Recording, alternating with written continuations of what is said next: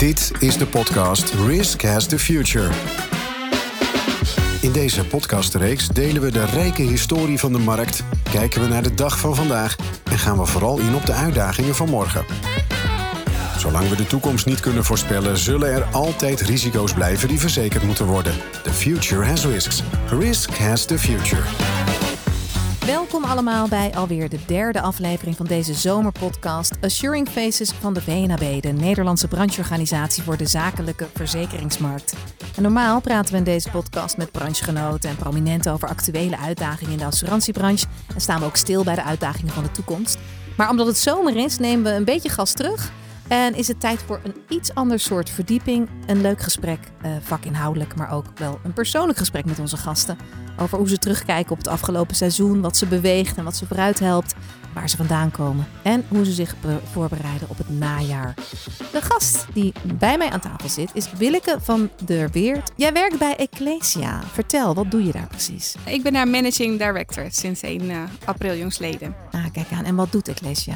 Ecclesia is een uh, adviseur in risico's en verzekeringen. Dus wij adviseren organisaties en bedrijven over hun risico's en hun uh, uh, verzekeringsbenefits. ja, en dat is sectorbreed of is dat specifiek op een bepaalde sector gericht? dat is in principe groot MKB en grootzakelijke markt. Maar wij zijn wel gespecialiseerd in specifieke sectoren. Zoals het maritieme segment onder andere.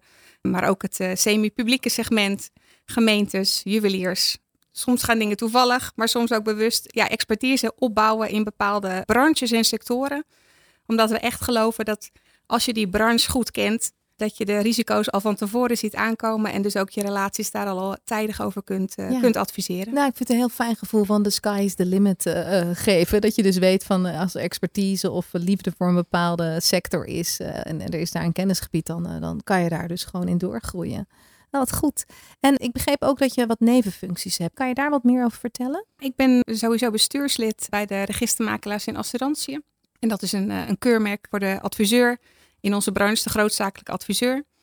En daarnaast uh, ja, mag ik jurylid zijn voor de Young Talent Award bij het VNB. Ja, dat is leuk, want dat is inderdaad de connectie. Hè? Dus hebben jullie al een uh, vergadering gehad samen? Ja, we hebben. Uh, is er al een selectie? Er is al een selectie. Oh, spannend. Dus dat was ontzettend gaaf. En die hebben ook allemaal een motivatiebrief geschreven en zelf gemotiveerd. Ja, waarom zij denken dat zij het talent van het jaar zijn. Nou, het kan goed zijn als deze podcast wordt uitgezonden dat dat al bekend is. Maar goed, lieve mensen, dat maakt dan niet zo heel veel uit. Ik weet in ieder geval hier dat hier iemand zit die daar goed over na heeft gedacht. Dus ik ben benieuwd aan het meemaken. Ik zag ook, en dat vond ik interessant toen ik even ging googlen, dat jij uh, member bent of SER Topvrouwen. Daar had ik niet eerder van gehoord. Kan je dat kort uitleggen? Ja, SER Topvrouwen is opgericht uh, door de SER. En het, het doel daarvan is vrouwen zichtbaar maken. En dan met name vrouwen die board ready zijn. Dus die klaar zijn voor een toppositie. Ja. En je hoort heel vaak dat er wordt gezegd, ja, maar we hebben wel gezocht, maar we kunnen geen goede vrouw vinden op deze post. Dus het wordt weer een man. En het mooie van dit initiatief is dat uh, vrouwen zich daarop kunnen inschrijven uh, na een selectieprocedure. Dus ja, als bedrijven op zoek zijn naar een goede vrouwelijke kandidaat, dan kunnen ze daar hun licht op doen. Oh, wat goed. En je hebt die positie ook wel gekregen, want je bent 20 plus jaar actief in deze sector? Ja, bijna 20 jaar. Bijna ah, wanneer is jouw avontuur begonnen? Welke opleiding heb je gedaan? Geen verzekeringsopleiding. Dus ik heb een, een commerciële opleiding gevolgd, HBO Account Management. En vervolgens uh, ja, denk je dan, hé, hey, ik kan de wereld aan. Dus ik, ik, ga, ik ga adviseren, ik ga accountmanager worden. Nou, al gauw leer je dat, je ook, dat ook wel belangrijk is dat je hè, dan een vak gaat leren. En eigenlijk ben ik toen toevallig op een advertentie gestuurd voor, waar ze een binnendienstadviseur verzekeringen zochten. En toen dacht ik, nou, dat lijkt me nou leuk. En, en toevallig dus de verzekeringen ingerold. Ik kijk weer even mijn techneut aan, maar wij horen vaker dat mensen toevallig de verzekeringsbranche in zijn gerold. Dat is toch wel bijzonder. Wat is er toen gebeurd? Want je hebt inderdaad, um, je bent je loopbaan begonnen als binnendienstadviseur, hè? dat zei je. Wanneer ben je als tussenpersoon gaan werken? Ja, binnendienstadviseur, ja, dat, dat was dus ook oh, bij een. Dat dat ja, dat was, nee, dat was bij een, uh, bij een, was al bij een verzekeringsmakelaar, was toen nog bij de Seidsma Groep. Uh, en daar heb ik met heel veel plezier gewerkt, maar daar ook mijn man ontmoet. En toen dacht ik, nou, dan wordt het wel tijd om ook even elders te gaan kijken. Uh, Cupido komt om de hoek. We ja. gaan even een ander deurtje in. Even een ander deurtje. Dus toen ben ik bij een lokale adviseur ook gaan werken. Dat was in Scherpenzeel. En daar ook op de binnendienst gaan werken.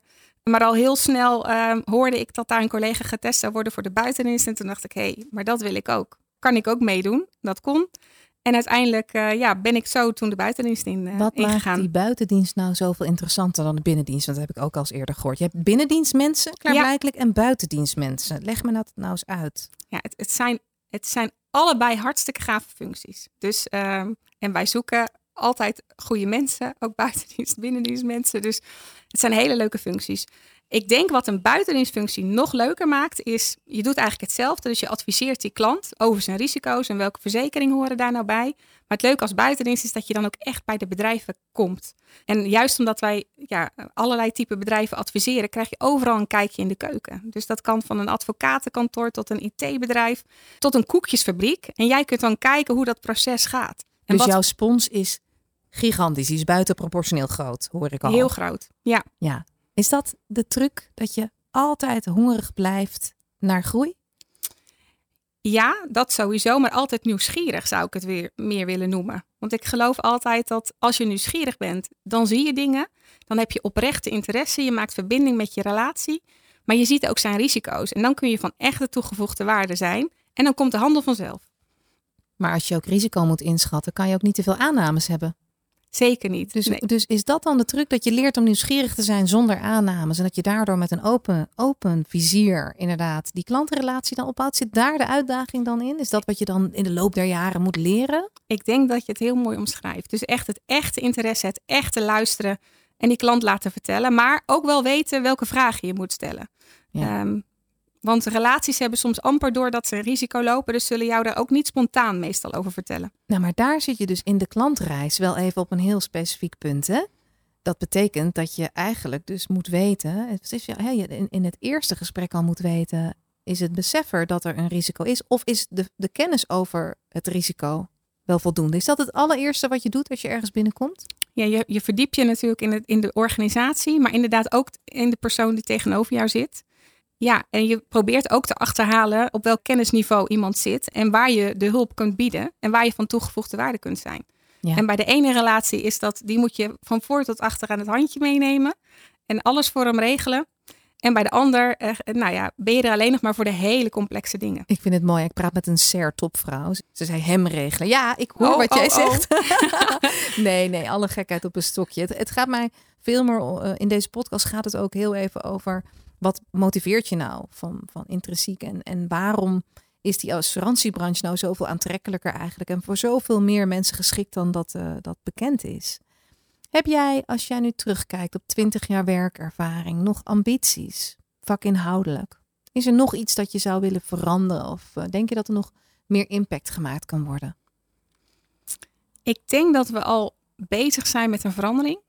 Dus Omschrijf die eens nou, waar je jaren geleden veel meer bezig was met, met alle respect, meer vanuit het product denken, zie ik al dat er steeds meer een kentering is gekomen. Dat we steeds meer denken in wat zijn nou de risico's? Hoe kan ik die relatie nou echt helpen? Echt langer termijn. Maar ik denk dat dat nog veel beter kan. Want we zijn allemaal met elkaar vakidioten. Wij zitten helemaal in de materie. Wij snappen het helemaal. Maar de kunst om echt op het level van de, van de klant te komen, uh, als het nou, of het nou gaat om polisvoorwaarden of hoe je dingen uitlegt, hoe je zo, zo'n klant meeneemt op die reis. Ik denk dat we daar ook echt nog wel wat stappen kunnen zetten. Ja. Kijk, verzekeringen zijn eigenlijk helemaal niet leuk. Hè? Tenminste, ik vind ze wel leuk. Maar de, voor de persoon uh, die tegenover je zit, die wil gewoon zijn business runnen. En verzekeringen is een noodzakelijk kwaad. Dus ook daar denk ik dat we, dat, dat we ook nog wel iets te doen hebben door het nog wat leuker te maken, ook voor die, uh, voor die klant. En hoe doe jij dat dan als leider van zo'n club? Hè? Want jij hebt natuurlijk gewoon personeel. Daar moeten mensen en collega's moeten hierover meedenken. Word jij wakker midden in de nacht met een idee of hoe gaat dat dan? Nou, ik merk, tenminste dat vind ik bij ons, we hebben gewoon echt mensen die hun vak verstaan, maar die er ook echt heel veel passie voor hebben. En die het ook heel erg leuk vinden om die klant mee te nemen op reis. Dus ik hoef daar eigenlijk niet eens zo heel veel aan te doen, want dat zit gewoon in onze mensen. En wat ik dan het mooie vind, is dat we de collega's ook een podium geven. Dus VNB is een prachtig podium waar onze collega's ook weer andere collega's opleiden. Maar we bieden ook podium om onze relaties zeg maar verder op te leiden. Of onze collega-intermediairs verder op te leiden en te helpen. En dat houdt het denk ik ook leuk. Dat je je kennis kunt delen. Ja, en maar dat betekent dus ook dat je wel elke keer weer een stokje doorgeeft. Want het is niet iets. Hè, hoe lang houd je dat vol? Want het klinkt dus best wel intensief. Je doet het heel veel samen. Dat is iets wat ik in de assurantiebranche hoor. Is dan kennisdeling inderdaad de groei? Is dat wat, hoe jullie dat doen? Dus er komen er ideeën op tafel in zo'n team. Die zeggen, nou de klantreis, we gaan dat eens even centraal stellen. We gaan dit eens proberen. Ben je dan vooral op, op kennis die er al is? Of probeer je veel uit? Hè? Risico nemen, dat hoort ook een beetje bij het vak. Dat hoort zeker het vak. En ik denk dat je jezelf steeds opnieuw moet blijven uitvinden. Dat is als er nieuwe risico's ontstaan, maar ook nieuwe manieren om je relaties uh, te bereiken. Zou je een voorbeeld kunnen schetsen van een idee of een concept dat jullie hebben toegepast om die klantrelatie te verfraaien of om die beter te maken? Jazeker. Een aantal jaar geleden nou, hebben we ons, ons klantportaal ingericht. En daarmee kunnen we die klant ook mee op reis nemen. Ik zei net al, hè, je wilt uiteindelijk je klant mee op reis nemen. En in dat klantportaal, hè, er, gebeurt van alles. Er gebeurt bijvoorbeeld een schade. En die klant heeft een, uh, een probleem. En door in te loggen op ons klantportaal kunnen ze ook precies zien: hé, hey, maar wat gaat er nu allemaal gebeuren? Wat kan ik verwachten? Waar is mijn dossier nu in behandeling? Ligt het bij de expert of is het bij de verzekeraar? Dus zo proberen we steeds meer ook de digitalisering voor ons te laten werken, zodat dat inzichtelijk is. En zodat we meer tijd over hebben om het echte gesprek met de klant te voeren over de risico's en zijn persoonlijke situatie. Maar een succesvol verhaal van jullie bedrijf is dan inderdaad als die klantreis formidabel is ontvangen. Want dan voelt iemand zich gehoord en gezien door jullie. Ja. En heeft het inzicht om verder mee te denken over wat gaat er nu gebeuren. Is dat dan waar ook op beoordeeld wordt in jullie interne organisatie? Is dat het gesprek dat je hebt? Want je hebt het binnen de verzekering niet alleen maar, heb ik al gehoord, over de resultaten. Je hebt het ook heel erg over hoe hebben we dit gedaan. Ja, nou, dan is ook deze casus weer een mooi voorbeeld, want we meten ook die klanttevredenheid. Dus als, ik geloof echt dat schade ook ons visitekaartje is, dan komt het erop aan. Hè? Dus hebben we goed geadviseerd? Hebben we, hebben we een goede match qua dekking? En hebben we ook eh, die klant goed geleid in het proces? Dus wij meten ook van elke schade de klanttevredenheid. Ja. Uh, en dat koppelen we ook weer terug naar de afdeling en daar halen we de verbeteringen uit.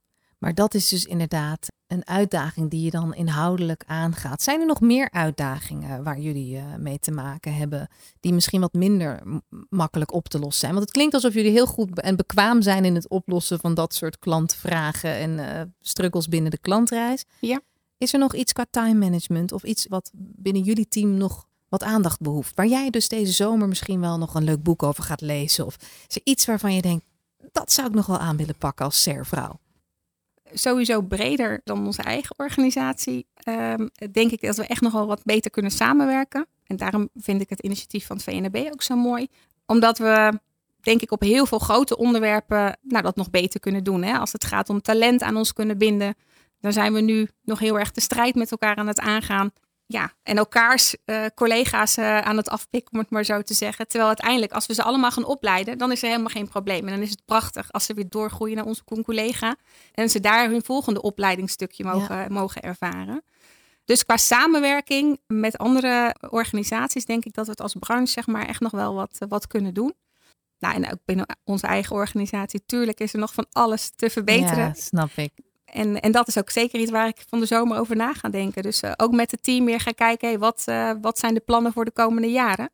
En uh, gaan we onze strategie nog aanscherpen en wat gaan we doen? Ja, want er zit een lange termijn strategie in jou. Hè? Er zit iets heel vasthoudends, voel ik, aan de manier waarop jij ook je presenteert. Want het, het, zit ook, het zit ook in hele moderne thema's voor jou. Hè? De moder, modernisering van de branche heeft jouw aandacht. Ik begreep ook dat inclusiviteit voor jou is natuurlijk voor iedereen nu een hot topic. Maar dat is voor veel vrouwen al veel langer een, een, een agendapunt. En nu is daar dan eindelijk ruimte en plaats voor. Is er nog iets dat jij wenst voor deze branche? Nou, juist wel dat we iets moderner worden. En ook op dat gebied. Dus ik vind het nu heel erg leuk. Ik leer nu veel, omdat ik een andere rol heb. Ik leer weer allerlei nieuwe mensen kennen. Nou, en dan zie ik gelukkig ook dat onze branche veel inclusiever wordt. Dus dat ik veel meer collega's zie die vrouw zijn of een andere culturele achtergrond hebben. Nog steeds te weinig, maar steeds meer. Het mooie daarvan is, is dat, je, dat ik dan merk dat je het met elkaar over hele andere onderwerpen hebt. Dus dat je met elkaar spart, juist over die thema's. Hoe pak jij dat aan? Hoe zorg jij uh, um, dat, dat alle type collega's um, um, bij, ons, bij, bij ons kunnen werken? dus wat dat betreft. Ja, dus je hebt heel erg de agenda ook op de primaire behoeften daarin. Dus dat je met elkaar afspreekt en bespreekt. Goh, hoe doe jij dat dan? Want, Ja. En dan, dat zijn, zijn dat dan thema's inderdaad die vastgeroest zitten, waar jullie dan samen over praten? Of is het juist iets dat moet innoveren? Allebei denk ik. Hè? Dus Ja, ik, denk- ik denk dat we echt nog wel wat moderner soms naar dingen kunnen kijken. Ik zelf ook. Hè? Dus kom denk ik pas op die ideeën als je er met elkaar over spart. En soms ook eens vanuit een hele andere, andere hoek naar dingen probeert Ja. te kijken. Nou, het, het voorbeeld van hoe komen we nou aan, aan nieuwe collega's. Ja, misschien toch ook nog eens even kijken naar collega's die geen verzekeringsachtergrond hebben. nou inderdaad. Maar misschien op hele andere gebieden interesse hebben in verzekeringen. Bijvoorbeeld omdat ze in de bouwtechniek hebben gewerkt. Of vanuit advocatuur meer een juridische inslag hebben. Ja, het is een bredere blik hè, die jij Ja. probeert eh, te hebben. Dat is een hele mooie positie.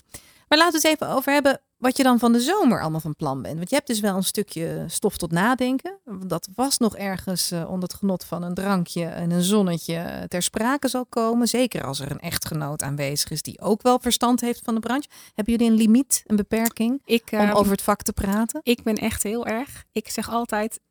Als ik vrij ben, wil ik het niet over verzekering hebben. En mijn man is echt een vakidioot en die wil dat wel. Dus de enige manier waarop wij het over verzekering hebben, is vaak als ik zeg: joh, kan je even meedenken? Ik heb een complexe casus, dus dan heb ik hem nodig. Maar eh, bij Niet op vakantie. Niet op vakantie, alsjeblieft. Oh, oké, oké. Want, want er is ook een gezin hè, dat ook nog wil genieten van de vrijheid van het denken. Dat het niet Klopt. over verzekeren gaat. En wie sluit bij jullie thuis de reisverzekering af? Eh, Doorlopend. Ja, Ik, ik denk dat wij echt typisch eh, Nederlanders zijn. En wij zijn driedubbel verzekerd via allebei onze werkgevers. En ook nog zelf, denk ik. Dus ehm, dat hebben we toch, goed. Ja, dat hebben we toch goed geregeld. Ja, dat heb je heel goed geregeld. Hey, en er zijn er nog eh, hobby's waar je deze zomer nog eh, jezelf een beetje mee kunt vermaken. Als je niet te veel na aan denken bent over al die doelstellingen. Eh, zeker, zeker. Ik heb dan hopelijk weer tijd om, eh, om heerlijke taarten en cakes voor mijn gezin te bakken. Oh, heerlijk. En gewoon lekker buiten in de natuur met het gezin erop uit te trekken. Ja, precies. En ik zag ook dat je ook wel dol bent op design en musea. Dat is ook weer een mooie... Klopt. mooie eh, zeker nu, nu het mooie weer er is, zijn er inderdaad voldoende projecten om even op te zoeken. Ja. Je hebt een hele brede interesse. Ehm, ik hoorde ook dat jij een hobby had. Want al de gasten die ik heb gesproken, die hebben een hobby of die houden ergens van. Je Ja. hebt een fascinatie voor glas. Ja. Wat doe je met glas? Ik kijk ernaar en ik vind het prachtig. Dus eh, ik ben een, eh, een aantal jaar geleden begonnen met, eh, met glas verzamelen. En ik, vind, ik, ik heb altijd al een fascinatie gehad voor glas. Vanwege de kleuren, de transparantie, de diverse vormen. Maar ook het hele complexe productieproces. En je hebt heel veel verschillende processen hoe je glas kunt maken. Ja. Ehm, mijn fascinatie begon voor gebruiksvoorwerpen eh, met een design, eh, design gebruiksvoorwerpen van begin 1900. Maar inmiddels heb ik ook sculpturen ontdekt en eh, vind ik het prachtig. Ik, ik kijk nog meer dan ik koop, zeg ik er wel bij. Maar ehm, Ja. Geweldig. Ja. je moet voor een mooie glasverzameling. Ik had een opa die was glasblazer. Dat was een volle schuur, kan ik je vertellen. En niet alles was even goed gelukt. Dat vind ik het mooie aan glas ook. Maar wat interessant. En heb je dat ook overgebracht op je gezin? Is dat iets wat je deze zomer mag gaan doen? Of denkt iedereen, oh, daar heb je haar weer met haar glasverzameling. Dat gaan we nu even niet doen. nou, glas, ik probeer altijd wel iets uit te zoeken wat iedereen mooi vindt. Dus ik betrek in die zin wel het gezin erbij als we iets kopen. Eh, maar ik probeer het gezin wel heel erg eh, te betrekken in, in kunst en de liefde voor kunst. Eh, dus we hebben ook een museumkaart en we gaan ook graag met de kinderen naar het museum. En zij weten, als er iets van glas in de tekst van de tentoonstelling staat, dan moeten we mama meevragen. Eh, ja, dat weten in ieder geval de oudste. Nou, maar maar we, ik doe ze dat meestal niet aan. Dus eh, we proberen het Naturalis bijvoorbeeld te bezoeken. De dinosaurussen, dat spreekt toch veel meer aan dan, dat dan snap glas. ik. Nou, maar dat groeit met de leeftijd wel. En Ja. hebben jullie al bedacht waar jullie naar op vakantie gaan dit jaar? Ja, we gaan naar Terschelling.